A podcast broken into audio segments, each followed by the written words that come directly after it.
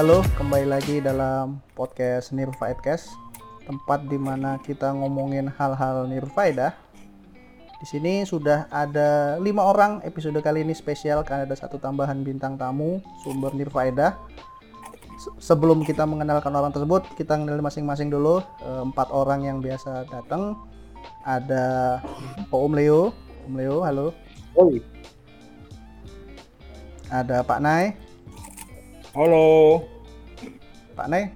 Lagi makan Pak Nay? Lagi makan. iya, sama Mas Jopardi. Hula. Olah, ah ini ada satu orang terakhir nih yang baru kita sengaja pang- undang untuk episode kali ini. Pak Guru Bruno, halo Hai. Pak Bruno. Iya, hai. Baik kabar ya? Baik kabar ya semuanya. ya? sehat, sehat. Ya, yang lain juga semoga pada sehat-sehat semua lah ya. Amin. Kondisi lagi cuaca cuaca tidak menentu seperti ini, yang namanya kesehatan tuh sebuah kenikmatan lah itu. Kesehatan dan keamanan lah. Itu nomor satu ya. Ini sebelum kita mulai temanya, kita sebelumnya kita garis besar dulu tema kali ini kita akan ngomongin tentang eh, bagaimana cara kita mempersiapkan diri menghadapi bencana alam di lingkungan sekitar kita. Ini tema nirfaedah kita ming- eh, kali ini. Nah sebelum kita ngomongin soal itu, gue mau nanya dulu di tempat kalian lagi nggak ini kan? Nggak lagi ada terkena musibah kan? Maksudnya masih banjir kah hujan atau gimana? Oh enggak. Aman, aman. Mana aman. hujan? Tempat Pak Bruno? Biasanya kemarin Aman, kalau yang di share, di share fotonya tuh tinggi banget. Iya, aman, aman. Udah, Udah aman, surut? udah aman.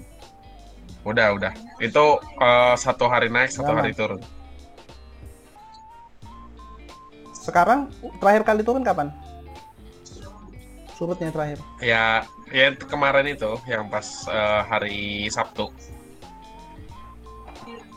Oh, berarti dari minggu sampai sekarang nggak ada banjir-banjir lagi? Ya, betul. Hmm. Kalau Om Leo gimana rumahnya? Masih siaga 12? Sama sih. Eh, kalau siaga sih masih siaga. Eh, apalagi kan BMKG ngomong katanya Kamis Jumat ini kan ngeri-ngeri sedap tuh. Masih suruh siaga sampai Sabtu kan. Nah, gua dari dari hari apa ya? Jumat subuh minggu kemarin itu gua udah ngangkat-ngangkatin barang sih.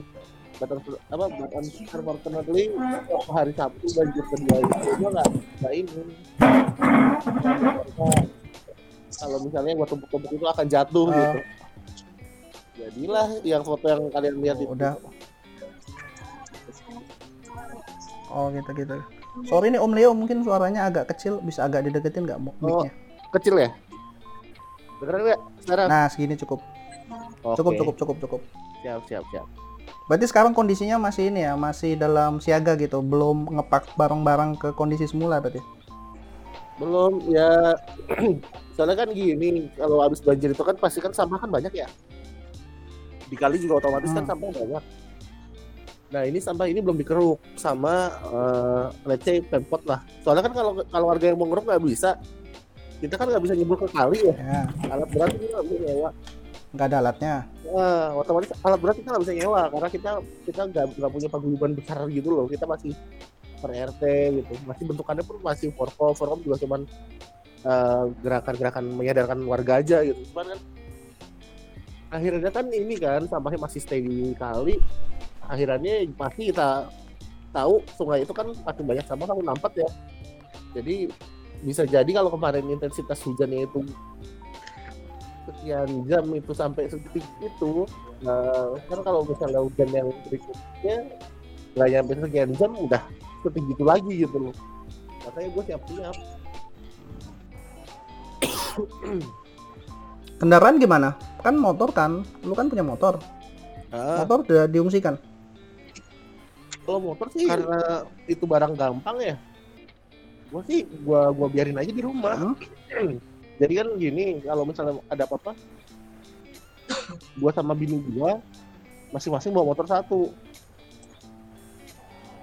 Jadi begitu Ngungsi gitu ya. ada ada alarm dari warga kita langsung naikin motor dulu lah ke tempat yang gua ditipin anak ini kan. Gua kan ditipin anak nih di di orang. Ini dia rumahnya tuh eh kayak tanahnya tuh satu lantai lah di lebih tinggi dari gua gitu jadi apa namanya Oh, kalau di lingkungan yang lebih tinggi gitu ya. ya darurat itu gua masih, masih bisa nitip motor dulu sementara di sana transit habis itu gua nyari jalur buat pengungsian ya apa itu hotel atau rumah saudara gitu loh nah itu motor gua taruh. Kalau lagi kok kalau lagi kondisi Iya ya, sorry. Eh, kalau lagi kondisi gini, eh, kayak tempat pengungsian itu sudah ada, ada tetapin atau gimana? Atau tergantung keikhlasan orang yang itu? Keikhlasan tergantung keikhlasan banget. Nggak ada designated point gitu? kagak ada. Misalnya kayak ke hala ke mana tuh? Ke halaman lurah gitu gimana? Nggak ada. Elsa, ini Nando, lumayan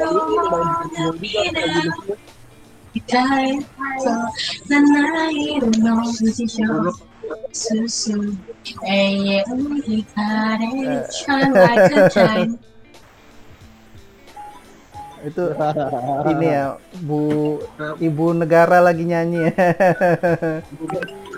ya, halo-halo lah, halo-halo, salam lah ya pada Ibu Bruno. Iya iya lagi nyanyi dia. Salam ya. lagi demen banget lagunya Black Clover deh. Ajak gabung aja Sip. sekalian. Lagi sayang tuh anime. Jangan lupa nanti kalau udah ini cosplay lah. Wah badan udah nggak mungkin ini, badan udah nggak mungkin ini. Harus ngurusin lagi.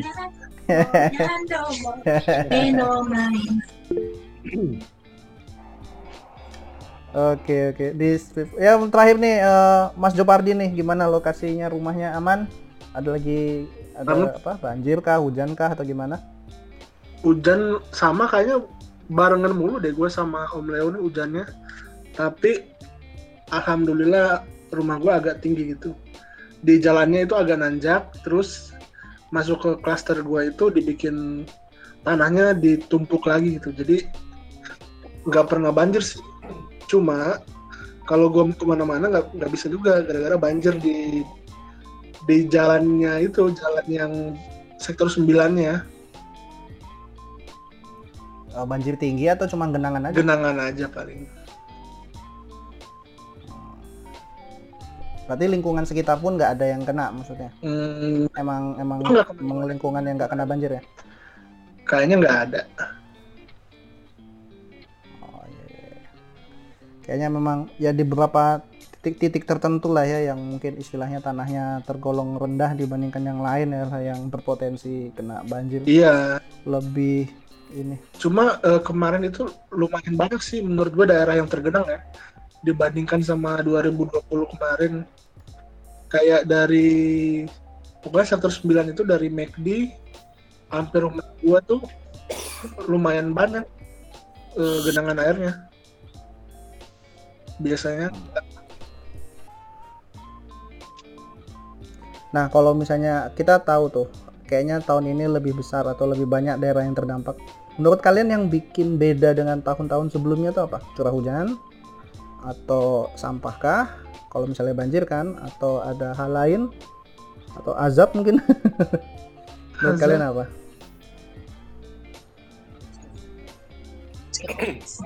Pak Bruno gimana? Iya. Dibanding tahun lalu Kalau dari siapa ke- nih? kalau dari Leo. kalau dari ketinggian tahun lalu, eh, yang tahun ini lebih tinggi. Karena yang tahun lalu itu nggak sampai sedada ketika di luar rumah. Kayak gitulah. Nah, Sekarang sedada. Istilahnya karena rumah saya turun dua, kalau dibilang ada dua tanjakan. Biasanya di tanjakan Hmm. pertama itu nggak pernah banjir, ini banjir tanjakan pertama. Berarti kan lumayan tinggi. hmm, Nah, Apa eh, yang beda dengan tahun sebelumnya? kalau tahun sebelumnya itu gini, lebih ke sering, sering banjir, tapi nggak terlalu tinggi. Hmm? Nah, kalau Hmm. yang sekarang ini baru banjir nih, baru banjir di Februari ini aja. Kalau yang sebelumnya mah hujan deras banjir, hujan deras banjir, hujan deras banjir gitu. Kalau yang ini baru baru yang kemarin aja itu, tapi ya tingginya benar-benar tinggi. Itu hujan pertama ya?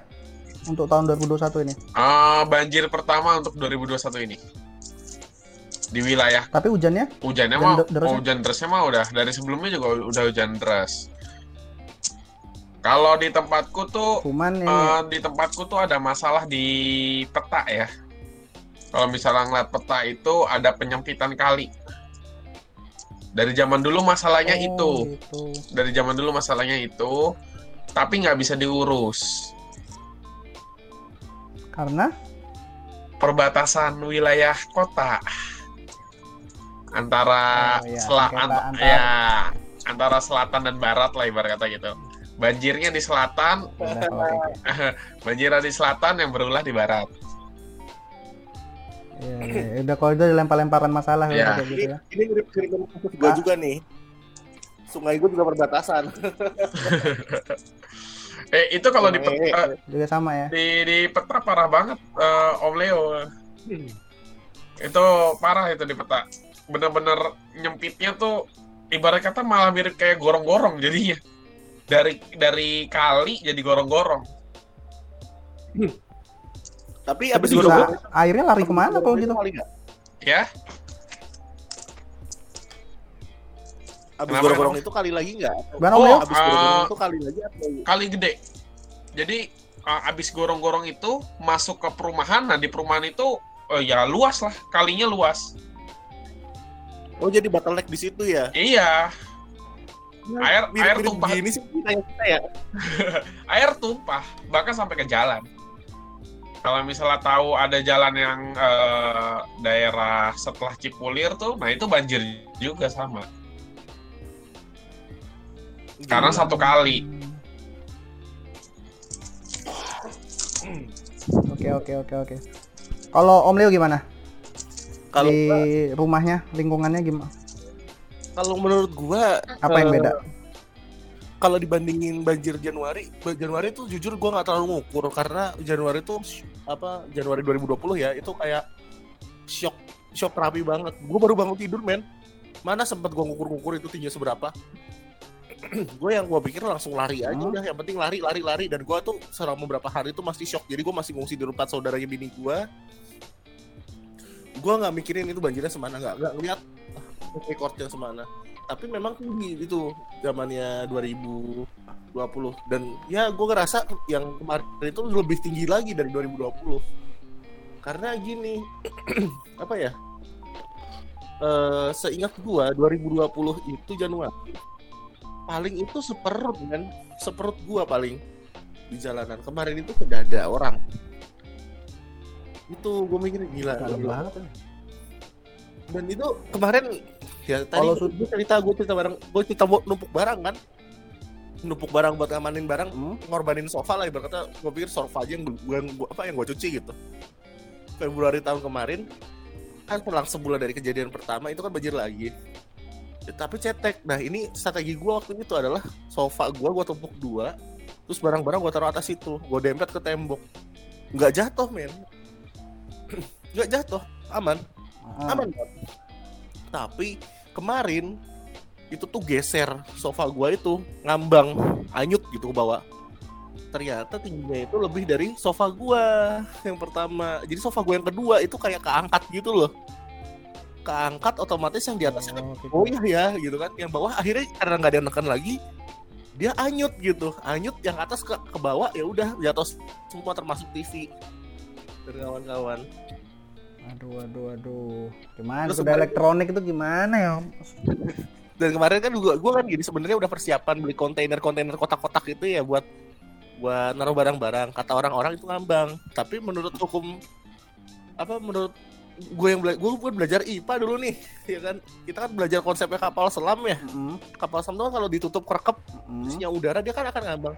Tapi kontainer ini nggak kerekep coy. Dia masih ada rongganya gitu loh jadi gue berpikir masa ya bisa Ya. ngambang? Berat-berat begitu kan? Gue mikir gitu kan. Akhirnya gue gue pikiran gue ya udah deh ini kontainer gue timpa-timpa aja gue tumpuk gitu. Kontainernya gue tumpuk yang du- ada dua ada enam kontainer dua dua itu gue tumpuk dua dua dua lagi gue lepas gitu aja gitu. Yang gue lepas gitu aja selamat. Mengambang. Yang gue tumpuk yang bawah selamat yang atasnya jatuh ngejeblak nah terus Wah, malah gitu yang ya? gua- iya yang gue lepas gitu itu malah nabrak-nabrak macem-macem. Jadi kayak dia ngambang terus habis itu dia nabrak sofa gue jadi sofa gue yang udah goyah gitu ketabrak gitu jadi makin goyah makin jauh kan. Otomatis kan air pas surut juga kan pasti dia ngalir keluar gitu loh. Sofa gue ke bawah gitu tapi Hmm. pintu sih. Itulah yang bikin barang-barang pada jatuh.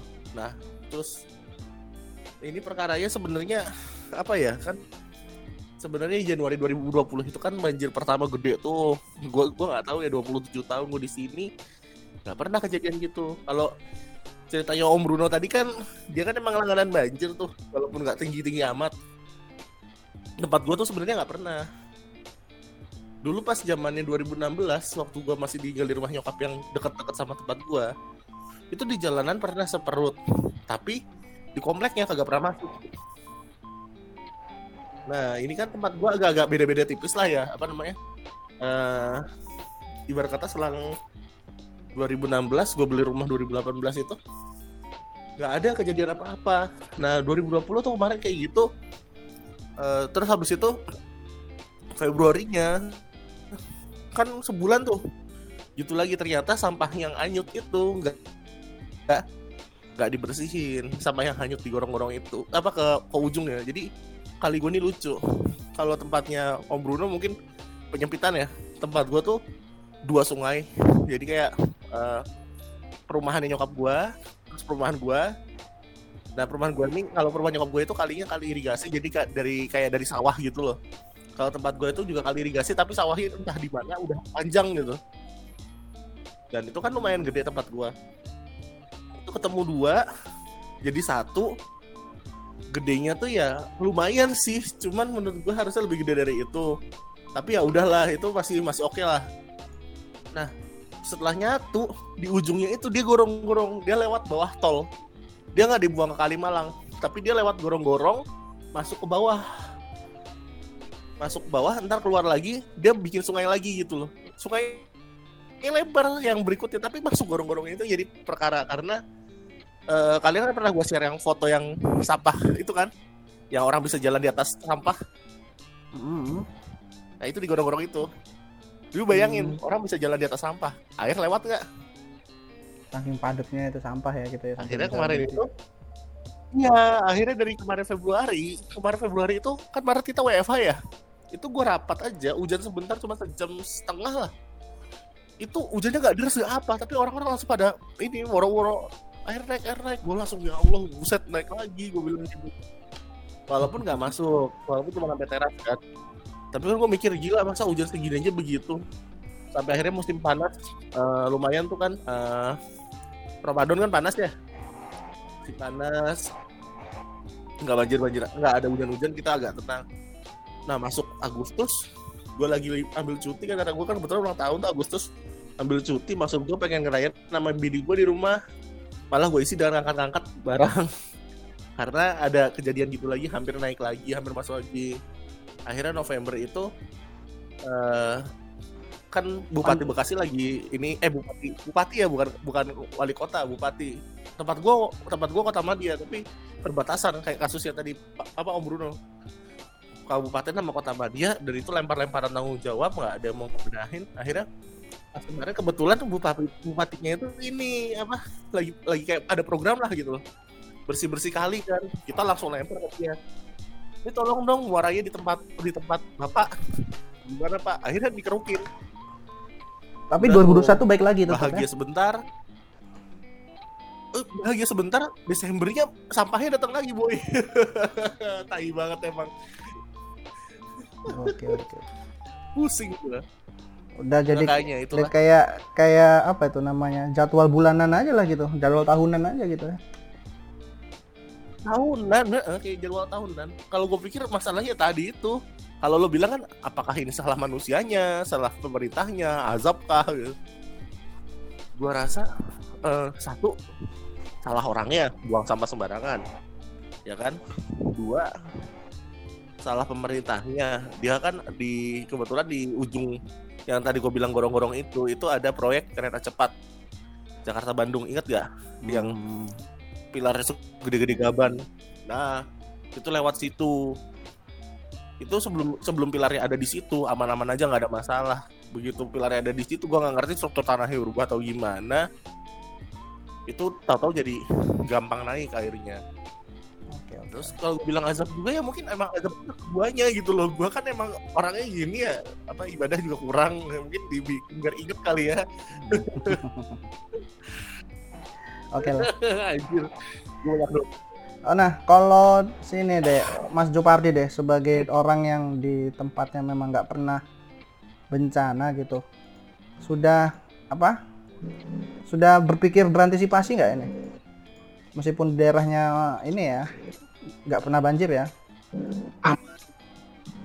belum sih karena masih jauh banget gue lihat dari kalau jalan pun udah tergenang tuh gue tingginya ada sekitar 2 meteran kali ya dari jalan jalan kampung 2 meter tingginya. Ketinggiannya. iya Heeh, dan jalan kampung itu kira-kira semeteran tingginya dia dari daripada jalan yang jalan raya Bintaro Hmm, oke, oke, oke. Jadi, ya lumayan lah gue punya waktu menurut gue ya jadi untuk jangka pendek ini mungkin setahun dua tahun nggak perlu mengkhawatirkan bencana gitu di rumahnya, di lingkungannya. Iya. Heeh. Kalau mungkin jalan di dep- depan gue udah tergenang, baru kali ya gue mulai mikir-mikir nih. Oke oke. Nah ini untuk Om Bruno nih, main kan sempat nge-share foto yang sangat inspiratif sekali istilahnya itu. Dia mau ngambil SK-nya dengan cara ini apa le- melewati banjir sedada gitu. Bisa diceritain nggak secara detail lah gitu latar belakang kenapa nggak nunggu besok-besok atau ya gimana sampai sananya terus balik lagi ke rumahnya gimana gitu boleh dong cerita Oke, oke, oke. Oke, saya cerita ya. Eh, jadi gini ceritanya. Eh B eh, BKD itu nge-share jadwal untuk pengambilan SK CPNS. Lebih tepatnya di eh, Dinas Pendidikan lah. Nge-share eh, jadwal di mana jadwal itu nggak bisa berubah. Jadi dalam artian posisinya saat itu tuh nggak bisa berubah dan harus diambil hari itu juga. Konsekuensi nggak diambil Nah, eh, konsekuensi nggak diambil paling cuman istilahnya konfirmasi lagi, terus nanti entah kapan diambilnya gitu. Hmm. Jadi karena ini berhubung masalahnya lagi posisi pandemi gitu kan, jadi mereka itu kayak kesannya oh harus taat sama aturan gitu kan, jangan sampai ada yang ke- eh, kecepatan atau ada yang terlambat gitu. Jadi harus tepat waktu lah ibarat kata. Oke Walaupun pada saat itu pun eh, sempat di siang hari itu akhirnya dapat nomor koordinatornya. Hmm. Tapi dalam hati ya gimana ya posisi gimana Eh, kita pengen ngambil SK istilahnya biar tenang pikirannya gitu kan daripada posisi ngambang ya kena banjir posisi ngambang dalam artian SK belum keambil tapi nanti harus eh, ngurusin segala macam ditambah menjelang juga mulai kerja di tempat baru sedangkan SK-nya belum ada gitu kan. Alhasil sempat mikir juga ini ambil nggak ya ambil nggak ya? Akhirnya orang rumah pun bilang juga ya udah ambil aja. Jalan sendiri. Nah punya ide lah tuh bawa eh, bak mandi anak lah semua baju eh, tas yang isinya berkas segala macam semuanya ditaruh di atas bak eh, bak mandi sambil lewatin banjir yang sedada sampai ke tempat naro motor. Kebetulan motor emang udah ditaruh di perumahan atas. Nah, itu mindahin motor aja itu tengah malam kalau nggak salah. Sekitar jam setengah dua malam itu mindahin motor ke perumahan atas. Jadi emang warga sini kalau misalnya posisi banjir, pasti langsung buru-buru mindahin motor ke perumahan atas. oh gitu. Jadi udah aman duluan ya? Iya, motor udah aman duluan. Nah, nyampe nyampe di parkiran motor, bak mandi pulangin dulu lah ibarat kata gitu kan. Bak mandi pulangin ke rumah. Ya ngelawatin banjir lagi lah ibarat kata gitu kan. Ngelawatin banjir lagi bak mandi taruh rumah balik lagi ke atas ngegas lah sampai ke pom bensin di pom bensin baru mandi Oh, berarti sampai sampai pom bensin tuh masih berkotor-kotor ria gitu. Eh, sebenarnya sih kalau dibilang kotor sih ya kotor lah cuman kan posisinya emang udah Kering. pakai baju yang emang sengaja biar basah Hmm. pakai baju yang emang eh, sengaja biar basah baju semalam yang habis mindahin motor sambil hujan-hujanan itu kan basah pakai baju itu nah, nyampe ke Pertamina mandi. Nah baju itu di eh, ibarat kata dikeringin dikit lah habis itu dimasukin plastik pakai baju yang masih kering. Nah di situ belum sempat mikir pakai baju putih hitam kemeja putih celana hitam tuh. Belum sempat jadi masih pakai baju kaos oblong sama celana pendek. Hmm. jalanlah ke dinas pendidikan karena ingat sebelum dinas pendidikan itu ada pom bensin. Takutnya di jalan kena eh, banjir lagi kan. Kalau udah pakai seragam lengkap kan nggak enak kalau banjir-banjiran. Makanya mendingan eh, masih pakai kaos oblong dulu sama celana pendek yang penting kering gitu kan. Nah jalan lagi sampai akhirnya di eh, pom bensin dekat dinas pendidikan. Nah, di situ baru pakai baju resmi lah ibarat kata. Sampai ditanyain tuh ada ada Gojek tuh di sebelah. Bang, kenapa sepatunya dipakai gitu kan? Banjir semua loh bang di sekitar sini bang. Saya bilang, deket kok, saya cuma mau ke dinas pendidikan, depan tuh. Nah, setelah itu akhirnya nyampe lah di dinas pendidikan. Kebetulan emang jadwalnya waktu itu dapat jam 1. Saya sampai di sana itu sekitar jam setengah satu. Oh. Nah, jadi Siap. langsung dapat antrian pertama, ambil SK, terus keluar. Nah, pas pulang nggak bisa pulang. Banjir di di daerah Kemang sampai di, di Gatot Subroto itu kebetulan baru pada naik airnya. Oh. Muter nyari muter nyari jalan sampai ke eh, Pejaten Village itu semua jalan keblokir. Akhirnya muter balik lagi, baru nemu jalan itu yang ke karet. Kuburan karet. Nah, baru bisa pulang itu. Itu pun macetnya nauzubillah. Jadi pas udah nyampe rumah, nah baliknya ke eh, rumah, ngelawatin banjir, ganti baju lagi. Kita pakai baju yang basah tadi. Itu berapa lama tuh kalau boleh ceritain? Misalnya dari awal berangkat nanti nyampe nya setengah satu. Berangkatnya jam berapa? Itu berangkatnya setengah sebelas. Oh. Jadi udah udah ngeliat jam jam 10 kan, wah ini harus berangkat ini. Kalau misalnya nggak jalan jam segini pasti telat gitu kan. Makanya setengah sebelas sudah langsung jalan. Pulangnya juga sama, sekitar dua jaman juga kena jebak macetnya. Iya, betul. Eh lebih lama bahkan karena muter-muter nyari jalan. Bahkan eh, istri kan mantau lihat dari kebetulan nge-share Sherlock lah ibarat kata. Yes. Dia ngeliat dari map itu ini orang kok muter-muter aja dari tadi. Dari situ belok situ belok balik lagi. Maju mundur, maju mundur. Nah, gitu melulu lah dari sepanjang jalan itu. Ampun itu emang pas hari Sabtu.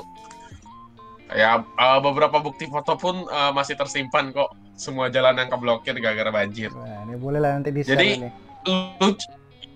Ya eh, jadi lucunya tuh gimana ya? Sebenarnya jalanan itu kalau mau diterobos bisa karena kalau dilihat itu nggak terlalu jauh banjirnya. Tapi ternyata kalau diterobos itu dalam. Hmm, padahal jaraknya nggak terlalu jauh istilahnya. Paling ya sekitar ada eh, 15 meter lah ibarat kata jaraknya yang kena banjir itu tapi ternyata dalam. Jadi istilahnya orang yang mau maksain bisa lewat tapi pasti mogok di tengah. Oh ya jangan lah. Resiko. iya resiko. Makanya akhirnya putar balik. Jadi eh, padahal seneng tuh jala- ngeliat jalanan. Wah sepi nih. Ini jalanannya aman nih aman nih. Tiba-tiba rame rame rame macet. Wah ujungnya pasti banjir nih. Udah putar balik. Bener banjir. Berarti udah sampai Jadi gimana? di berangkat di di berangkat mulus tuh. Nggak ada nggak kena banjir lah ibarat pas pulang yang kena. Keblokir jalannya. Ya berarti dimudahkan lah ya. Kemarin tuh lumayan dimudahkan ya jadi. ya ya betul betul. Sekarang SK ya makanya akhirnya kan Hah? fotonya di di share itu sebenarnya buat kenang-kenangan aja. Kayaknya harus Menteri Pendidikan harus tahu lah ini. harus dibuat viral ini. Oh iya, mau nanya dong, iseng eh, satu nanya. Eh, pindah sekolah kah sekarang? Iya posisinya pindah sekolah Kemarin di SD kebetulan eh, pas lulus kemarin itu di SD eh, daerah Grogol Petamburan Hmm. sekarang di Kebon Jeruk nah cuman yang Kebon Jeruk ini kebetulan dekat rumah Kebon Jeruk. ya iya, lumayan. 15 lah. menit naik sepeda lah Iya kan. Tempatmu ke Kebon 15 Jeruk kan menit naik sepeda tinggal lurus aja harusnya ya. iya betul ini beneran 15 menit kok lewatin satu lampu merah aja langsung sampai Ya, alhamdulillah lah. Berarti deket sama rumah gitu kan. ya Oke oke oke. Nih terima kasih nih udah nge-share ceritanya nih, sungguh inspiratif sekali. Untungnya ini ya good ending ya ending ininya ya akhirnya ya. iya Meskipun eh, ini. akhirnya gue te- SK-nya sekarang di mana? Di lemari aman? Jangan ditaruh di atas Ending. meja dong. SK-nya. Allah. kebetulan kebiasa jadi kalau misalnya ada apa-apa udah tinggal bawa satu tas itu udah Oh, ada ada tas khusus ya gitu ya. semua aman Hmm. entah itu ijazah kartu keluarga segala macam ya itu dalam satu tas di dalamnya itu kayak kayak ada map map map tapi mapnya tuh yang eh, kayak rapotnya anak-anak zaman sekarang lah tuh yang tebel-tebel tuh Hmm. Nggak tahu tuh. sama, eh, sama tempat ijazah tuh biasanya Pak. yang eh, agak tebel dia eh, di dalamnya tuh kayak kayak apa namanya Opener. tempat buat naro nah outner kayak outner begitu. Hmm. kayak outner begitu. Nah cuman ini isinya lengkap jadi kita bisa masukin berbagai macam ukuran kertas kan F4 rata-rata sih. Jadi semua arsip ada di situ. Baik arsip pribadi maupun arsip keluarga. Jadi ketika ada bencana segala macam udah tinggal bawa tas itu aja udah bawa kabur tas itu. Yang paling penting kan tas itu Nah ini terkait dengan tas gini, apakah di tempatnya Om Leo sudah ada menyiapin kayak gitu nggak? Tas emergency gitu, istilahnya yang tinggal dibawa kalau misalnya ada bencana. Om Leo, Kalau gue sih ijazah masih bisa. Kalau gue ijazah masih gue bisa. Cuman emang udah gue taruh tas juga. Jadi kayak ijazah, akte dan kawan-kawan itu kayak tas tenteng lah satu. Terus eh, laptop juga masih gue bisa karena masih gue pakai sehari-hari. Tapi tempatnya terjangkau. Ya paling susah kan baju sebenarnya karena kan ada anak kecil. Kalau bapak ibunya mah baju mah gampang lah ya. Bapaknya mah nggak pakai baju sarungan aja bisa gitu. Itu bisa. Nah itu punya baju So- sorry sua- Siapin baju suaranya eh, ngecil lagi nih, Eh, ya suaranya ngecil lagi. oh, ngecil lagi Ah, ada aman. masuk nggak Masuk masuk. nah jadi gue cuma nyiapin tas buat baju nyiapin tas buat baju abis itu eh, sama paling obat-obatan pampers secukupnya alat sholat. Karena kan gue paling ngisi ke hotel ya. Ya. pasti kan ada handuk dan kawan-kawan di sana ada. Terus kalau ini sama masukin masker secukupnya karena kan lagi pandemi juga. Sama udah gua taruh aja di tempat yang bisa gue jangkau. Plus deket sama ya tadi itu ijazah sama laptop. Jadi kalau misalnya ada apa-apa ijazahnya ntar gua ambil masukin tas itu juga bawa kabur Hmm. sama laptopnya atau laptop malah bahkan gue biarin aja gue taruh atas karena kan ibarat kata oke laptop barang mahal cuman kan ya masih lebih mahal surat-surat jadi kalau salah prioritas yang masih gue bawa ya dua itu baju sama surat-surat Oke. Nah nih, oh Mas Jopardi nih, meskipun daerah yang nggak kena banjir, apakah pernah udah menyiapkan tas khusus gitu? Soalnya kan kayak bencana kan kayak keban kayak gempa bumi, longsor, kebakaran gitu, kan nggak ada yang tahu kan. Udah nyiapin belum? Belum, cuma nah kalau dokumen-dokumen kayak Om Bruno tadi atau Om Leo, gue juga ny- naruhnya itu di satu tempat doang. Jadi semuanya gue kumpulin. Ada tiga map sih gue bagi tuh. Di lemari. Jadi mungkin kalau gue itu apa aja, iya di lemari rak buku Hmm, di bagian atas itu. Jadi kalau mau bawa tinggal masukin aja ke tas sih. tapi kan tetap harus dikumpul-kumpulin dulu gitu ya. Nggak disiapkan di satu satu tempat gitu, satu tas. Dia udah dikumpulin, cuma iya. Cuma masih map nah tasnya itu yang belum ada sih. Kalau kalau gue sendiri sih juga sebetulnya kan di sini yang namanya banjir juga jarang ya. Cuman kan daerah sini kan istilahnya ka- kebakaran kan juga sering terjadi gitu. Belum sih juga belum nyiapin tapi namanya dokumen sudah ditempatkan di satu satu folder gitu kan. Cuman kalau kalau disiapin di tas tertentu, tas yang tinggal bawa itu kayaknya juga belum deh. Mungkin juga perlu kita kali ya.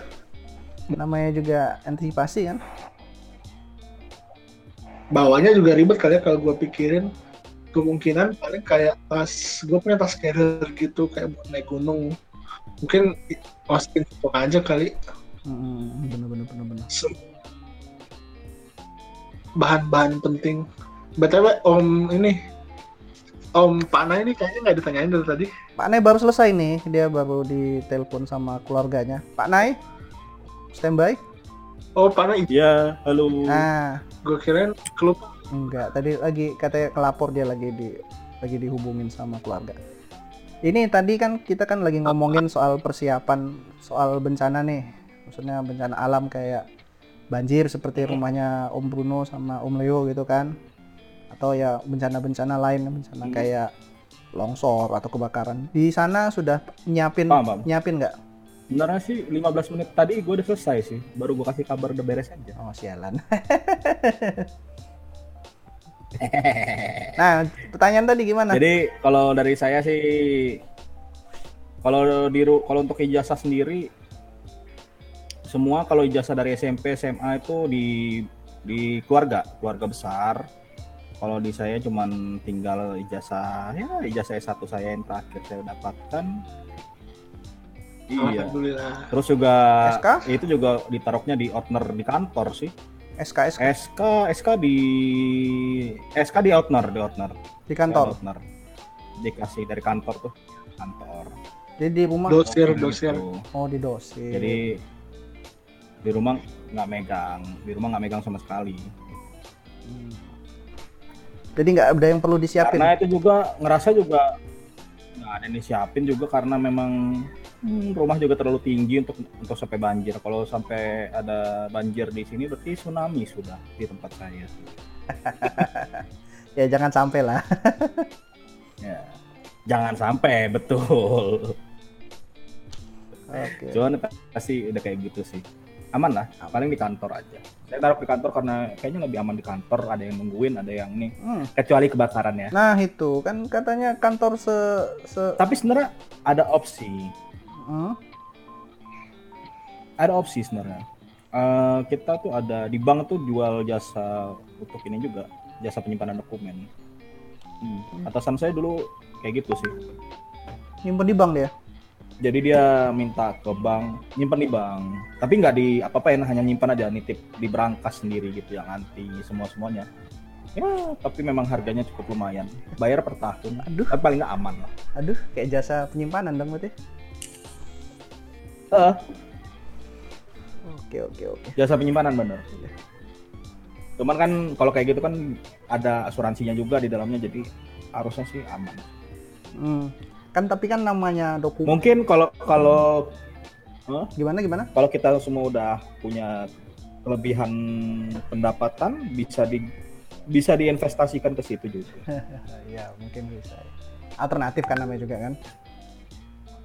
alternatif Cuman kan gini, yang namanya dokumen itu kan nggak hanya sekedar ya misalnya kayak kakak, akta akta kelahiran, terus buku nikah dan lain-lain kayak reken apa buku bank itu kan juga sesuatu yang dokumen yang penting juga kan gitu. Harus juga tetap diamankan kan gitu. Atau nggak pakai buku bank lagi udah? Tapi menurut gue buku bank itu gampang ya buat kita dapetin lagi. Tinggal ke banknya aja. Hmm. iya nggak sih? Iya sih ya benar benar benar. Hmm, iya betul. Betul betul. Saya udah pernah kok kayak gitu. Jadi hmm. bukan termasuk dokumen yang perlu diamankan gitu? Lebih ke arah dokumen yang gampang Kalau gua- untuk di- Kalau gue berpendapat, Om Leo? bikin. kalau gue sih berpendapat lain sih. Kalau menurut gue buku, bank itu juga penting, coy. Eh, jadi nggak ada salahnya sih disimpan sama buku nikah dan kawan-kawan. kan kalian kalau misalnya pakai kayak eh, yang kata file itu kan yang bisa isi berlembar-lembar itu dia juga bisa masuk tuh lumayan. Lagian buku bank mau lu punya punya rekening sebanyak apa sih gitu kan paling rata-rata orang di sini punya Buset. dua tiga Oke. atau empat kan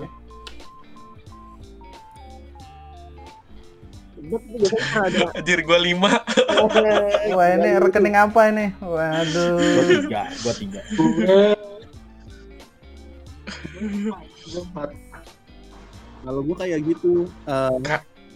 Apa namanya eh eh, daripada ini daripada ntar lu nyusuk apa namanya Nyusu. ngurus lagi repot-repot lagi mending sekalian deh Kalau ini Om Hmm. Bruno, Pak Bruno, buku bank termasuk sesuatu yang penting atau enggak? Sebagai yang punya rekeningnya 5 Penting sih. Ya, penting sih. Eh, Tapi kayaknya enam nggak malah. lima deh, enam deh kayaknya. Banyak Kolek- banget. koleksi kah atau gimana? Ja- jadi eh, bukan bukan. Jadi gini, eh, awalnya itu punya cuman satu BTN ya. Itu buat nyimpen-nyimpen lah ibarat kata gitu kan awalnya. Nah terus eh, lanjut ternyata butuh BCA waktu itu. Kalau nggak salah buat penggajian deh. Dulu tuh sempat pernah eh, nyambi di perusahaan kakak gitu kan ya di perusahaan tempat kakak kerja nah itu pakai BCA kan digajinya nah makanya eh, BTN cuma buat nabung BCA buat terima gaji terus lanjut pindah ke sekolah di sekolah itu butuhnya DKI Hmm. Nah, akhirnya pakai DKI. Jadi ada tiga tuh waktu itu. Nah, terus dapat bantuan lah tuh dari pemerintah dibukain rekening Ya, DKI Syariah empat aja tuh.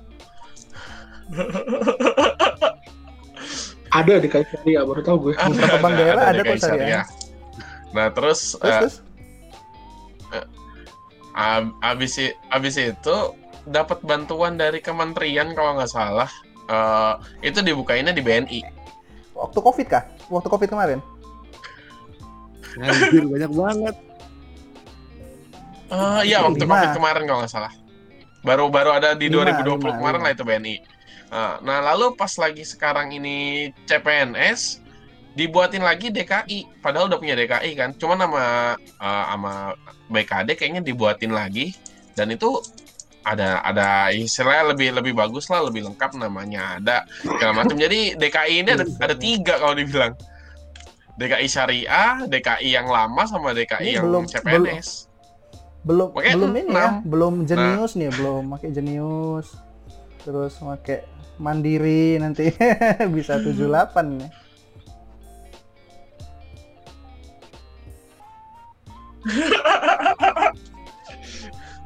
Eh, tapi kayaknya sih berhenti di sini. Soalnya kan kalau misalnya kita udah istilahnya CPNS atau PNS kan pasti pemasukan jadi satu satu tempat doang. Jadi udah nggak bakal ada yang kemarin-kemarin dapat dana bantuan segala macam kan udah pasti nggak dapat lagi. Men, kan biaya bulanannya tetap ada tuh, Pak. Nah, untuk buku tabungan Iya, ya.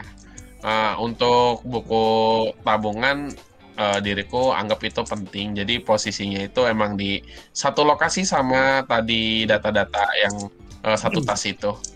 Jadi posisinya di situ karena sekarang udah bukan zamannya kita nyetak buku ya.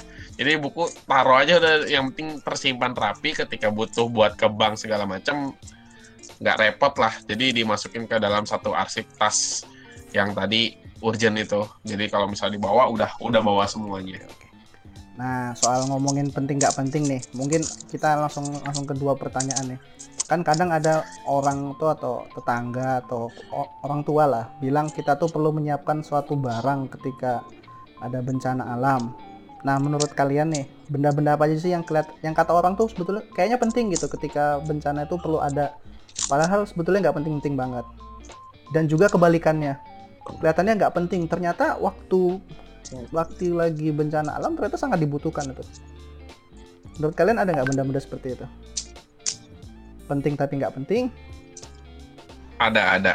Kalau eh, kalau menurutku eh, ini kipas eh, kipas portable Kipas tuh portable. zaman sekarang kan udah banyak tuh kipas portable.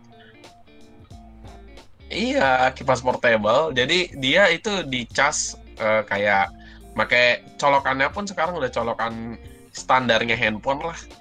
Dia ada baterainya. Nah itu dibilang nggak penting kalau di pemakaian wajar sih emang nggak penting, jarang dipakai gitu kan. Tapi ketika lagi urgent mengalami bencana itu penting. Kenapa? Buat yang punya bayi atau pu- buat yang nggak kuat sama panas gitu kan. Ketika lagi mengungsi, nah lumayan tuh ngademin sedikit lah setidaknya. Sekalipun baterainya habis bisa dicolok ke power bank gitu kan. Bisa sambil ngecas di power bank. Kalau kebalikannya? Kalau- Kalau kebalikannya, wah itu belum kepikiran Belum deh kalau yang kebalikannya. Yang kelihatannya kayaknya penting itu, kayaknya perlu disiapin tapi pas bencana ya nggak pernah dipakai juga gitu.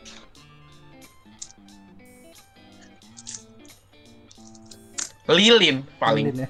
sekarang mah. Disiapin tapi nggak nggak pernah dipakai. Iya.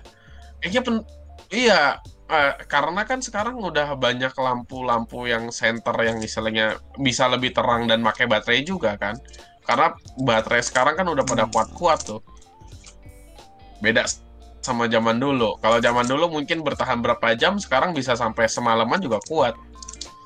Kalau Om Leo nih, ada ini pendapat benda yang kelihatannya penting ternyata nggak penting atau benda kebalikannya nggak penting ternyata penting? Apa? Uang uang cash. Itu termasuk yang mana? Penting nggak penting? Kalau menurut gua paling penting itu uang cash. Oke. Hmm. Paling penting. Karena kalau misalnya nggak ada uang cash, lu akan bingung. Lu ngungsi nih, nggak ada ATM, lu nggak bisa makan. Ya, oke oke. Masuk akal, masuk akal. gitu. Karena kan karena kan belum tentu kondisinya kayak gitu. Terus yang kedua yang paling penting kalau kalau lagi pandemi gini Siap. masker. Nah, ini, yang ketiga nah ini kan tapi kan pertanyaannya kan eh, yang ketiga benda-benda peralatan yang nggak kelihatannya nggak penting nih, padahal ternyata penting. Ada nggak menurutmu? Kalau kata Pak Bruno kan kipas port oh kalau benda yang kelihatan apa? benda yang kelihatannya nggak penting padahal penting ya Eh, kalau di gue sih lo tahu kontainer box, plastik nggak box plastik. kontainer yang kotak-kotak nah itu penting Padahal kelihatan nggak penting. kalau biasanya nggak nggak gitu-gitu penting kan paling kan biasanya kalau kayak cuma naruh barang naruh barang Hmm. bisa di mana aja gitu kan tapi di saat situasi kayak gitu itu jadi penting karena apa? Lu bisa- bisa tinggal taruh taruh aja tinggal bruk bruk bruk bruk bruk bruk taruh tutup udah lu tinggal. Itu ngambang. Jadi itu paling nggak ngurang-ngurangin beban pikiran lu lah sama rumah. Kalau yang kebalikannya, yang kelihatannya tuh kayaknya kelihatannya penting gitu, padahal nggak pernah dipakai juga. kartu Oh ATM gitu ya. kartu ATM kartu ATM itu eh, in case gua gua kan udah tiga kali tiga kali ngungsi, apa banjir sampai ngungsi kan dan Hmm, harapannya amin. tidak akan nambah lagi Eh, itu kartu ATM ter- tidak terbukti tidak penting gua susah mencari ATM yang masih fungsi atau ATM yang ada duitnya ketika lagi kondisi Oh, kritis benar juga, benar juga. Karena lagi sama-sama sulit kan misalnya kayak misalnya banjir kan ATM mati juga kan, listrik juga dipadamkan kan. Ya nggak guna juga ya kartu ATM ya. mending ATM mending ATM mati ATM-nya kerendam boy Udah itu mah gimana mau ngambil duit. Bye bye. Nih berdua nih Pak Nai sama Mas Cupardi nih meskipun belum pernah ngungsi nih tapi mungkin ada bisa memberikan pendapat menurut kalian benda-benda yang kelihatannya penting ternyata nggak penting atau kebalikannya gitu Cupardi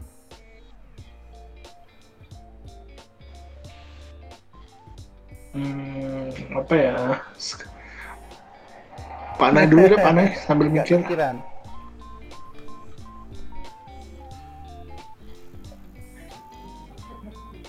Lagi mikir. Asli bingung juga sih. Tapi benar juga kayak si Maren kayak, kayak- eh Pak Maren. sensor Sorry. sensor Tolong nanti di iya tolong nanti di sensor ya. Bruno Pak siapa sih? Pak Om Bruno, Om Bruno. Tadi benar juga sih pikir-pikir ya. Pasti kan gerah, apalagi kalau ada anak bayi. Terus juga eh saya lupa siapa kodenya. Leo Leo, Leo. Om Leo, Om Leo yang cash, benar juga. Mungkin itu kan menjadi beberapa pertimbangan kalau nanti saya berada di tempat yang terkena banjir. Atau oh, satu ada mungkin, sepatu boots mungkin ya. Ya, itu tidak akan berlaku jikalau sudah sepinggang ya. Kalau menurut gua sih satu mungkin nambahin aja sih benda yang kelihatannya nggak penting tapi ternyata mungkin suatu saat akan penting ketika bencana alam tuh karabiner. Kalian ngerti tahu nggak karabiner? Cantelan itu loh yang cantelan untuk untuk naik gunung itu.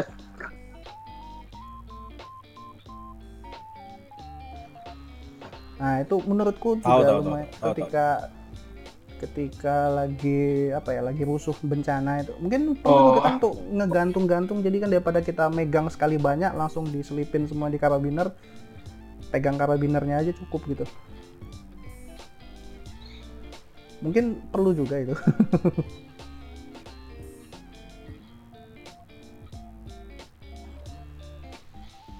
Terus kalau Ini ya gimana enggak, cara misalnya kan lu bawa, bawa kantong ah, kantong plastik banyak gitu kan. Maksudnya ya Bawa hmm, plastik biar banyak. sekalian eh, biar biar nggak di- sekalian. di- nggak diselipin satu jari satu gitu kan langsung dimasukin ke karabiner gitu loh. Dan juga kalau misalnya bawa barang banyak kan tinggal dimasukin apa tuh dicantelin ke tas atau gimana gitu. Seperti itu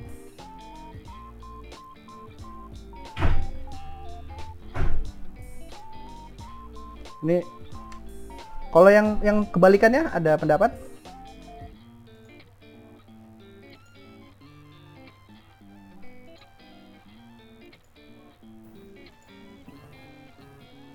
Mungkin motor kali ya, kendaraan.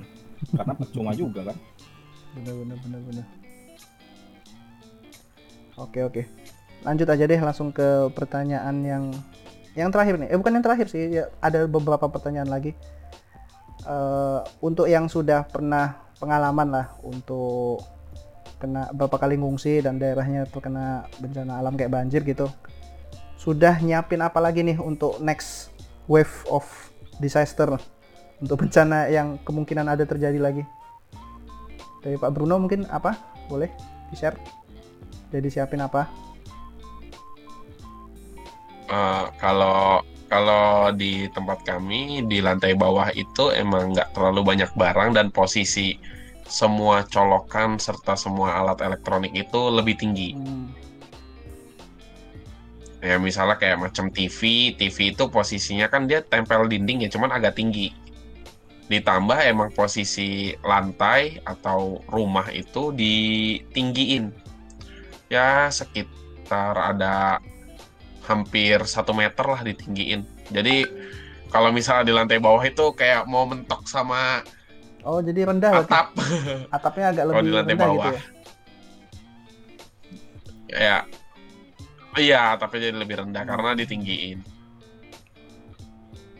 Nah biasanya itu pas yang di bagian yang ditinggiin kalau di tahun-tahun sebelumnya tuh nggak nggak sampai kena. Jadi aman gitu kan nah kebetulan yang kemarin ini ya di luar sedada alhasil di tempat yang itu ya lumayan sekitar sedengkul lah kurang lebih Ah, enggak, enggak, enggak mau ditinggiin itu udah udah udah lumayan sih. Kemarin itu ya karena faktor eh, emang udah nggak ada tempat tampungan air lagi kali. Makanya bisa meluas begitu. Kalau Om Leo nih, mungkin persiapannya apa nih? Boleh di-share?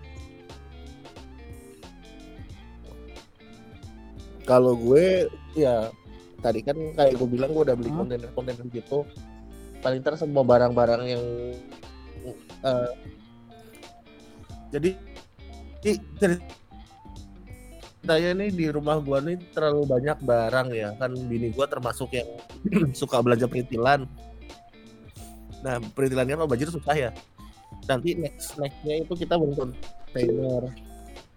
Terus eh apa namanya kontainer ini nanti eh, kalau misalnya banjir di- ditumpuk itu mau gua taruh aja di bawah kalau misalnya banjir lagi. Terus kemudian yang kedua gua tuh berencana mau bikin eh apa namanya meja meja meja lo tau nakas nggak sih?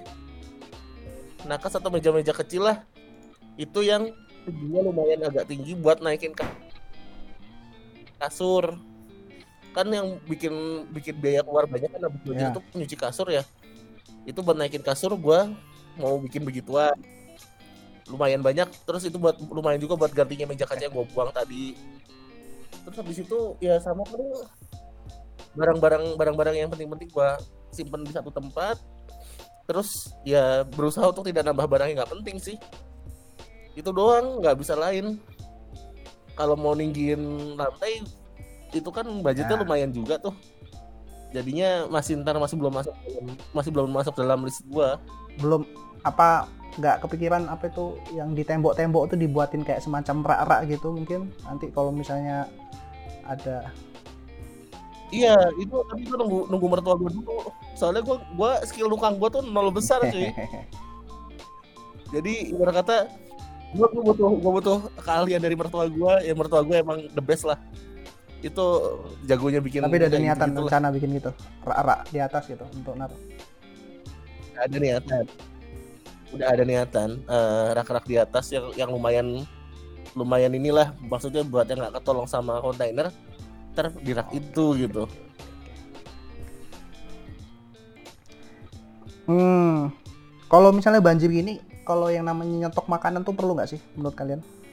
Atau bencana lah secara secara overall itu, yang namanya nyetok-nyetok gitu, perlu nggak?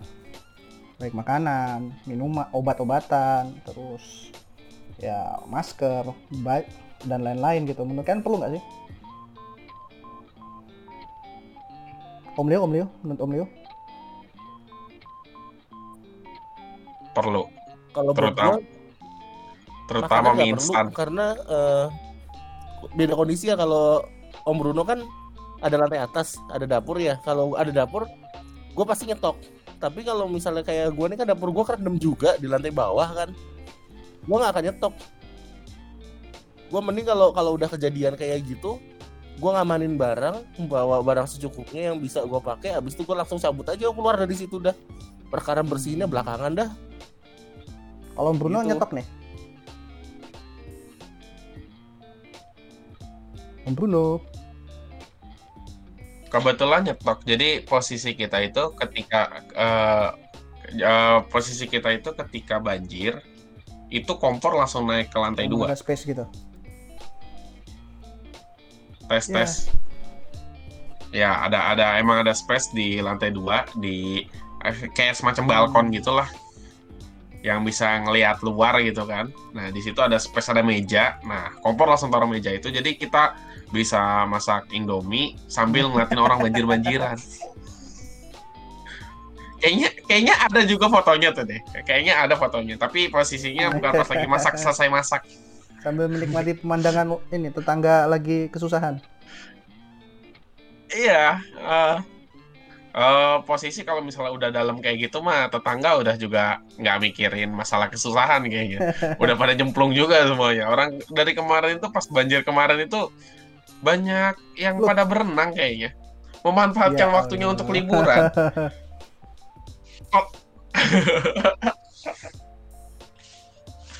Banyak yang pada berenang kemarin itu. Jadi emang kalau yang di tempat saya karena emang udah dari setahun jebot juga udah banjir gitu kan. Itu jadi sarana bermain. Gitu ya. Tapi bukan anak kecilnya ya, yang setengah dewasa lah. Yang istilahnya nganggur-nganggur kayak gitu tuh biasanya pada pada berenang udah. Dan alhamdulillahnya dari zaman bahla itu ya nggak ada kasus yang meninggal karena banjir. Oh iya iya. Saya beberapa tempat kan katanya Eh, jadi di Diare ya, diare. Iya, di beberapa tempat ada yang kasus eh, ada yang meninggal gitu. Cuman kalau di wilayah sini mungkin karena udah biasa gitu kan. Jadi udah tahu bahayanya di mana segala macam. Bahkan di rumahku aja jaringan listrik aja kebagi dua, emang disetting kebagi dua. Jadi ketika banjir itu bawah mati, atas masih bisa nyala kecuali kalau misalnya PLN udah nurunin listrik. Nah, Hmm. jadi kayak gitu. Emang sudah di setting gitu, seperti itu ya maksudnya. Iya, udah udah disetting seperti itu. Jadi ketika bawah banjir, ya udah tinggal turunin eh, jaringan listrik yang ke bawah. Nah, yang di atas tetap bisa nyala. Sudah inilah sudah beradaptasi lah berarti istilahnya itu ya. Ya udah dari Berarti tahun udah berapa lama gitu tuh? kan. Maksudnya emang dari kecil memang emang langganan banjir berarti ya? Iya, eh terbesar itu dulu itu yang pas di tahun 2007. Itu lebih lebih dalam. Itu ibarat kata pintu, pintu udah tenggelam sekitar 2 meteran. 2 meteran. 2 meter ditambah airnya tuh air Oh. arus. Kenceng berarti ya? Itu 2007 tuh. Iya, kenceng. Jadi kalau misalnya kita keluar dari rumah, berangkatnya lewat jalan A, pulangnya harus lewat jalan B. Karena arus tadi. Gak bisa ngelawan itu. Iya, karena harus tadi. Nggak bisa ngelawan. Waktu waktu itu sampai tiga hari Oh, kalau nggak salah bendungan bendungan jebol ya? Yang 2007. Iya, Katulampa. kalau nggak salah Katulampa waktu itu. Bendungan 2007. Katulampa pecah ya. Coba kita cari 2000 2000 Nah, kalau kasus-kasus lain 2007. Coba cek deh, 2007. Sempat pokoknya 2007, 2011 kejadiannya tuh. Nah, setelah itu ya ringan lah. Yang siang banjir, sore atau malam udah surut. Siang banjir, sore atau Yang malam sekarang udah surut. berarti yang- gitu. ringan. yang yang yang kemarin juga sama. Eh, yang kemarin itu banjir mulai jam setengah dua kan, setengah dua pagi. Maghrib kalau nggak salah atau Isa udah surut. Jadi udah bersih bersih rumah malamnya. Berarti udah siap ngepel lagi gitu-gitu ya. Iya. Air air gimana? Air.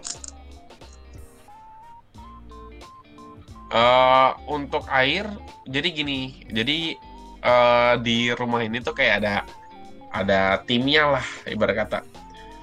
Ketika air sudah surut, ada yang ngerjain pompa. Jadi ngeringin pompa sampai benar-benar kering. Pompa pompa air tuh pakai hair dryer, pakai itu segala macam dikeringin pompa airnya. Jadi pokoknya dia fokus pasti ituin pompa, benerin pompa. Nah, ketika pompa udah benar, pompa udah aman, air udah bisa naik ke atas gitu ya ibarat kata ke toren. Udah kita bisa langsung bersihin rumah. Oh, gitu. Di sana nggak ada tandon ya? nggak ada. Jadi ya kalau dibilang eh, gitulah tekniknya. Jadi emang bagi-bagi tugas. Nah yang cewek biasanya nggak nggak kerja ketika bersih bersih dia nggak kerja, tapi dia fokus ke Nyiapin makan. Bener-bener. Capek ya, kan? entah gimana, entah gimana pinternya nyiapin makan. Oke. Kalau di tempatnya Om gimana? Sama kah? Oh, Apanya? masalah air, masalah air gimana? Kalau habis bersih-bersih? Atau pakai PDAM? kalau di tempat gue eh, ini biasanya kalau misalnya kan namanya apa namanya eh, pompa air itu kan kerendam juga sama gue biasanya minta bantuan adik gue buat bongkar kan Waduh, karena adik gue kan agak ngerti mesin. Gue kan enggak. Gue kan lebih ngertinya eh, pembukuan. Jadi gitu. Terus habis itu itu kan nggak bisa langsung dipakai ya. Namanya baru dikeringin pakai hair dryer pun dia tetap aja eh, kita takut buat nyalain jadi biasanya gue minta air sama yang eh, di yang ngasuh anak gue itu kan depannya itu kan listriknya nggak mati tuh. Gue biasanya nyetok air bersih dari nyetok air bersih dari situ buat ngapel-ngapel dikit lah. Ngangkut buat pakai jerigen gitu. gitu. Nah, kalau udah ke galon. eh, pakai galon. Pakai galon. Kosong. ah, nah, terus apa enggak gue minta sama tetangga. Biasanya tetangga depan rumah kan rumahnya agak tinggi tuh. Dia jarang jarang jarang kerendam sampai parah. Biasanya kalau lampunya nyala dia nyala juga. Nah gue minta sama beliau buat ya buat sekedar basuh-basuh aja sih. Belum belum sampai ngapel-ngapel ini belum sampai ngapel-ngapel bersih ngapel bersihnya itu gue biasanya hari berikutnya apa enggak nunggu mesin air gue nyala. Kayak gitu. Jadi gue namanya bersih bersih banjir ini gue nggak bisa nggak bisa satu hari langsung. Karena kan kalau ada barang-barang yang kena gue nyuci juga barang-barangnya. Dari itu kan yang ngerjain cuma dua. Jadi ya tenaganya dibagi. Belum lagi kadang-kadang bini gue juga dikerjain juga sih sama RS-nya kayak misal lo hari ini kebanjiran nih baru surut malamnya lo harus kerja gitu. Masuk masuk malam atau masuk siang. Jadi pagi bebenah siang atau malam itu bini gue masuk kerja. Kan kasihan jadi ya kalau capek-capek banget. Jadi sekarang gue belajarnya ya udahlah nggak usah capek-capek banget nggak usah ngoyo-ngoyo banget. Kita eh, mending bebersih seadanya move ke hotel lagi. Next day baru balik lagi bebersih lagi gitu. Nah, dengan dengan apa ya? Dengan kondisi di mana Jakarta kali ya, terutama kan memang kayaknya langganan bencana kayak banjir gitu kan udah kayak tahunan gitu kan. Menurut kalian ketika pemerintah mengadakan wacana nih pindah ke Kalimantan, ibu kota negara, setuju nggak?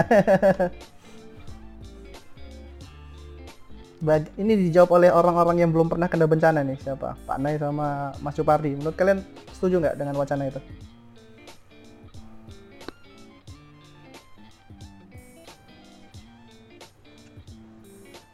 Setuju- aja. Saya sih juga setuju. Toh juga Jakarta memang sudah dengan kondisi dia yang sekarang sama sampai kapan kayak gitu. Yang ada malah tenggelam duluan kan daripada tenggelam lebih baik. Memang seharusnya seharusnya dipindahkan saja lah pusat pemerintahan tuh agar biasanya kan pusat pemerintah tuh biar kayak Amerika lah. Ya kan? Pusat pemerintahannya di Washington tapi pusat ekonominya berada di New York gitu kan jadi bisa dibilang bisa dibikin seperti itu gitu tetap Jakarta sebagai pusat perekonomian tapi pusat pemerintahan di Kalimantan Mas Jo juga sama, berpendapat sama.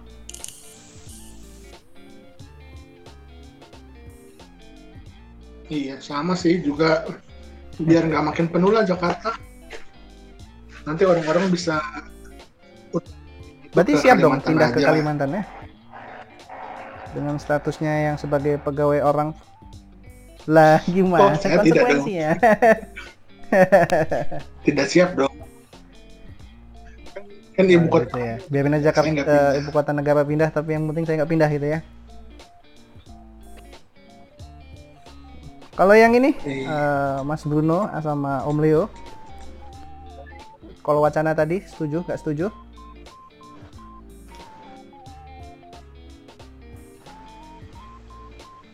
Kalau gue sendiri setuju malah lebih gak setuju. Karena eh, sebenarnya gini sih. Lu mindahin ibu kota itu lu bukan nggak menyelesaikan masalah lu cuma mindahin masalah aja. Bahkan berpotensi nambah masalah. Karena kan otomatis Jakarta itu tidak serta merta jadi kota yang ditinggalkan. Dia tetap jadi kota perekonomian. Let's say kayak New York sama Washington DC kan. Nah tapi sekarang kalau misalnya lu dekat sama apa namanya bikin pusat pemerintahan yang di tempat lain otomatis ya lu tahu kan pembangunan kita kan lebih seringnya berpusat di pusat Hmm. pemerintahan. Pembangunan berpusat di situ hidup makin enak orang-orang pada pindah ke sana juga dari tempat-tempat lain yang sebelumnya mungkin tidak punya akses ke Jakarta. Penyakitnya kan balik lagi sama. Sebenarnya paling benar itu ya ya perbaikan sistem drainasenya perbaikan sistem eh, airnya maksudnya kayak lu air tanah nyedot berapa atau dilarang pakai air tanah lu harus langganan air semua gitu. Tentu saja dengan harga yang murah ya karena kan dikuasai dikuasai oleh negara untuk hajat hidup orang banyak itu buat apa gitu kan kalau nggak kalau nggak dengan harga yang murah dan terjangkau. Kalau se- sementara ini kan kita rasa orang-orang pada milih pakai air tanah kan karena kita kalau pakai air pump itu eh, ada yang ngomong kualitasnya kurang bagus ada yang ngomong lagi eh, berat di langganannya. Itu itu unsur biaya sih. Ya lu nyedot nyedot gratis sama nyedot bayar tuh kan eh, beda banget gitu loh. Apalagi kalau per bulan bisa selisih 30 ribu 100 ribu itu kan lumayan. Seperti itu. Jadi jadi kalau misalnya ini ya kesannya kayak lari dari masalah gitu. Makanya pas kemarin dibilang ada wacana gitu ya gue kayak ya udahlah tapi nggak bakalan selesai juga masalah. Dia kayak ninggalin ninggalin ini loh apa udah hancur lebur lo tinggal gitu aja. Habis itu lo bikin kerusakan lagi di mana gitu kan. Kita nggak tahu. Tentu saja dengan tata, tata kota yang ambalnya dipertanyakan. Kayak bangun-bangun infrastruktur embuh kereta cepat embuh tol layang aja kan ambalnya gue nggak tahu itu gimana. Sampai bikin apa namanya saluran air jadi kayak Kalau gitu Bruno kan. gimana? Mungkin ada pendapatnya?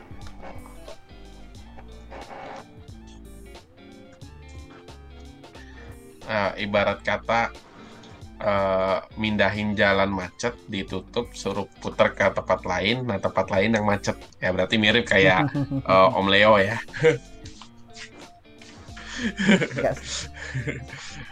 Jalanan macet akhirnya diblokir suruh le- lewat jalan lain ternyata jalan lain yang jadi macet. Nah, itu yang terjadi sih.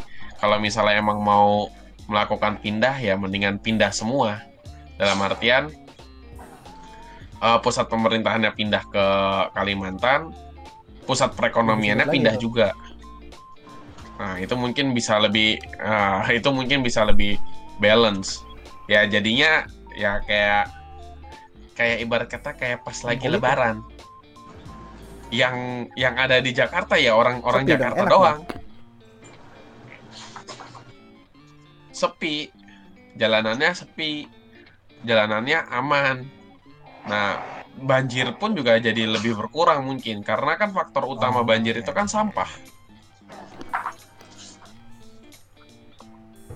Nah, ketika ketika kemarin ini eh, di awal-awal Jakarta ini ada eh, banjir itu nggak terlalu parah kan mungkin karena orang-orang udah berpikir eh, peduli sama kesehatan kan karena masa masalah pandemi. Nah, itu dari awal awal 2021 ini udah aman tuh. Nggak ada banjir-banjir kan. Wah, aman nih.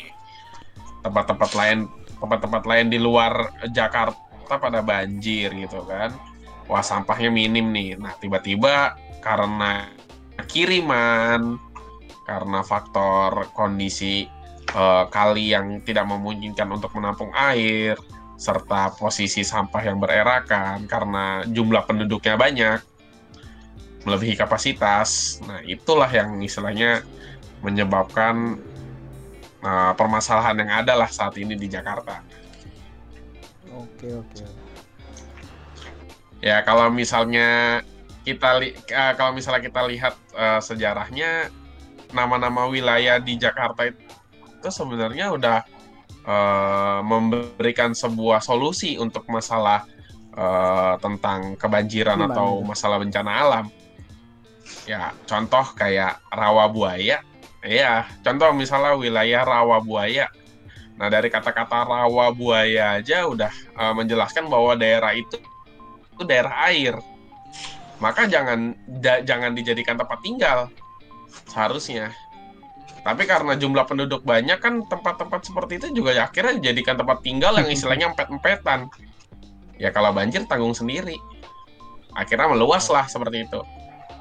Coba aja kalau misalnya eh, iseng sambil buka peta gitu kan, lihat-lihat nama-nama wilayah gitu yang ada di DKI Jakarta, itu ada maksud dan tujuannya sebenarnya. Mungkin karena faktor zaman dulu udah memikirkan hal tersebut jadi ada daerah yang harusnya jadi hutan kota terus ada yang jadi eh, tempat perairan nah cuman seka- sekarang dibantai semua jadi rumah semua Namanya juga peluang peluang usaha kan namanya Ya, kurang lebih kayak jadi gitu. lahan gitu kan.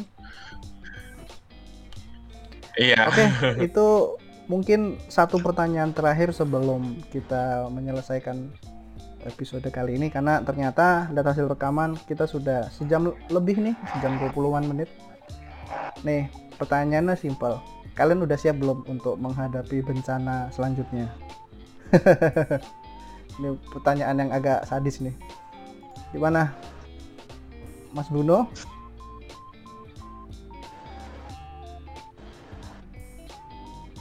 Atau siapa yang mau duluan? Mas Supardi, kalau misalnya pertanyaan tadi udah siap? Eh, Serem Pak kalau nanti dibilang siap, bencananya apa lagi? Berarti belum. Takut sih kita kalau mau bilang siap tuh. Ya, se- diusahakanlah se- sebisa mungkin kita siap-siap aja. Tapi nggak berani juga buat buat bilang udah siap sedia. Karena kita kan nggak pernah tahu bencana apa yang terjadi. Minimal mah inilah meminimalisir resiko lah gitu. Meminimalisir dampak lah. Kalau Iya. Minimal dengan bencana bencana yang ada ya kira-kira kalau terjadi yang sama hmm, bisa kita tanggulangin. Pak Nai masih bersama kita atau sudah melanglang buana?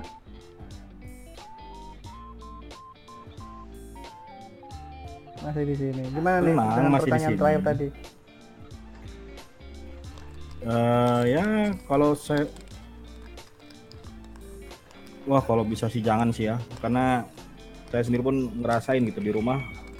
Di rumah tuh yang di Jakarta bisa dibilang bakal mempunyai nasib yang sama juga. Karena drainasenya jelek gitu loh. Jadi kalau tiap kali hujan gede tuh agak begenang gitu loh. Sangat sangat begenang bahkan jadi kalau memang ba- Berarti belum banjir jangan deh gitu sebisa mungkin Belum siap berarti? siapa sih yang mau banjir nih Kalau siap. Mas Pak Bruno, Pak Bruno Belum siap. gimana dengan kondisi yang saat ini?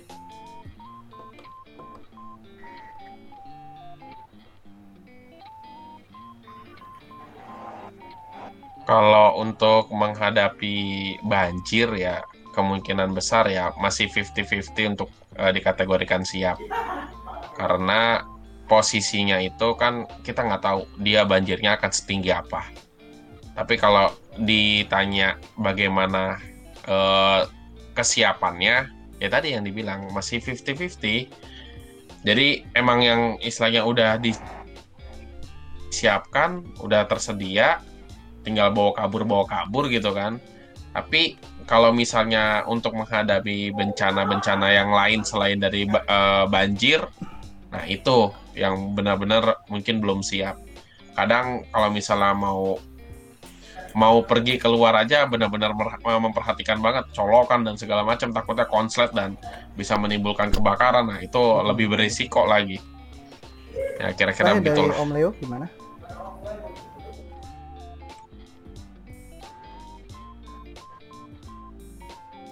Kalau gua sebenarnya gua bukan tipikal orang Jumawa yang bisa bilang siap atas kemalangan ya.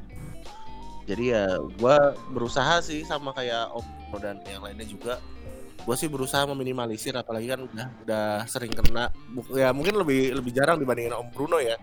Cuman udah tiga kali kena kita belajar juga dari situ dan gue berusaha untuk meminimalisir lah eh, dampaknya seperti apa sambil gua terus juga doa terus karena gua nggak tahu yang berikutnya eh, tingginya semana. Apakah cuma mata kaki atau sama seperti kemarin atau lebih tinggi gitu. Jadi ya udah. Kita udah berupaya ya sisanya berdoa. Ya semoga inilah ya sampai akhir tahun ini eh, tidak terulang kembali lah yang namanya kayak banjir tinggi terus ada bencana-bencana lain seperti gempa atau apa pun lah ya gitu. Ya semoga menjadi lebih aman lah Indonesia. Iya. karena sebetulnya kalau kita perhatian BMKG nih sebetulnya ad- ada potensi lain sih. Apa gempa? Gempa itu kalau kalian ngedownload BMKG itu di beberapa zona itu sudah terlalu sering gempa dengan skala yang cukup ya mengkhawatirkan lah gitu. 4, 5 empat lima sampai enam sih Hmm. gua lihat terakhir itu. Dan daerahnya deket-deket. Ibarat kata dulu kan katanya Pulau Jawa tuh jarang ya kena. Di di Pulau Sekarang di pantai-pantai Banten tuh lumayan. Makanya gue juga itulah. Hmm. bukan bukan berarti bukan berarti kita Belum menunggu menakut waktu. nakuti lah tapi ya namanya kita waspada kan tetap perlu kan ya. Ya namanya kalau orang bilang apa ya bumi ini sudah semakin tua. Hmm. ya kan? Paling enggak saya yang yang janganlah apa namanya janganlah. Nah ya gimana ya nakal-nakal dikit boleh cuman jangan kebablasan lah. Gitu. ya semoga kita semuanya aman-aman lah ya lingkungan keluarga kita. Aman yang dari namanya bencana. Amin Oke nih, mungkin untuk untuk yang sekarang untuk episode kali ini kita cukupin dulu ya. Setuju ya? Semuanya pada setuju ya? siap Oke, ini terima kasih nih ke- Oke. terima kasih jam. kepada empat sumber nih faedah kita. Eh, Om Leo. Om Pak Bruno, Pak Nai, Terima Mas kasih. Terima kasih nih sudah bisa menemani eh, podcast kali ini mengorbankan waktunya bersama dengan orang-orang yang dicinta yang masih ngurus anak ditinggalin anaknya.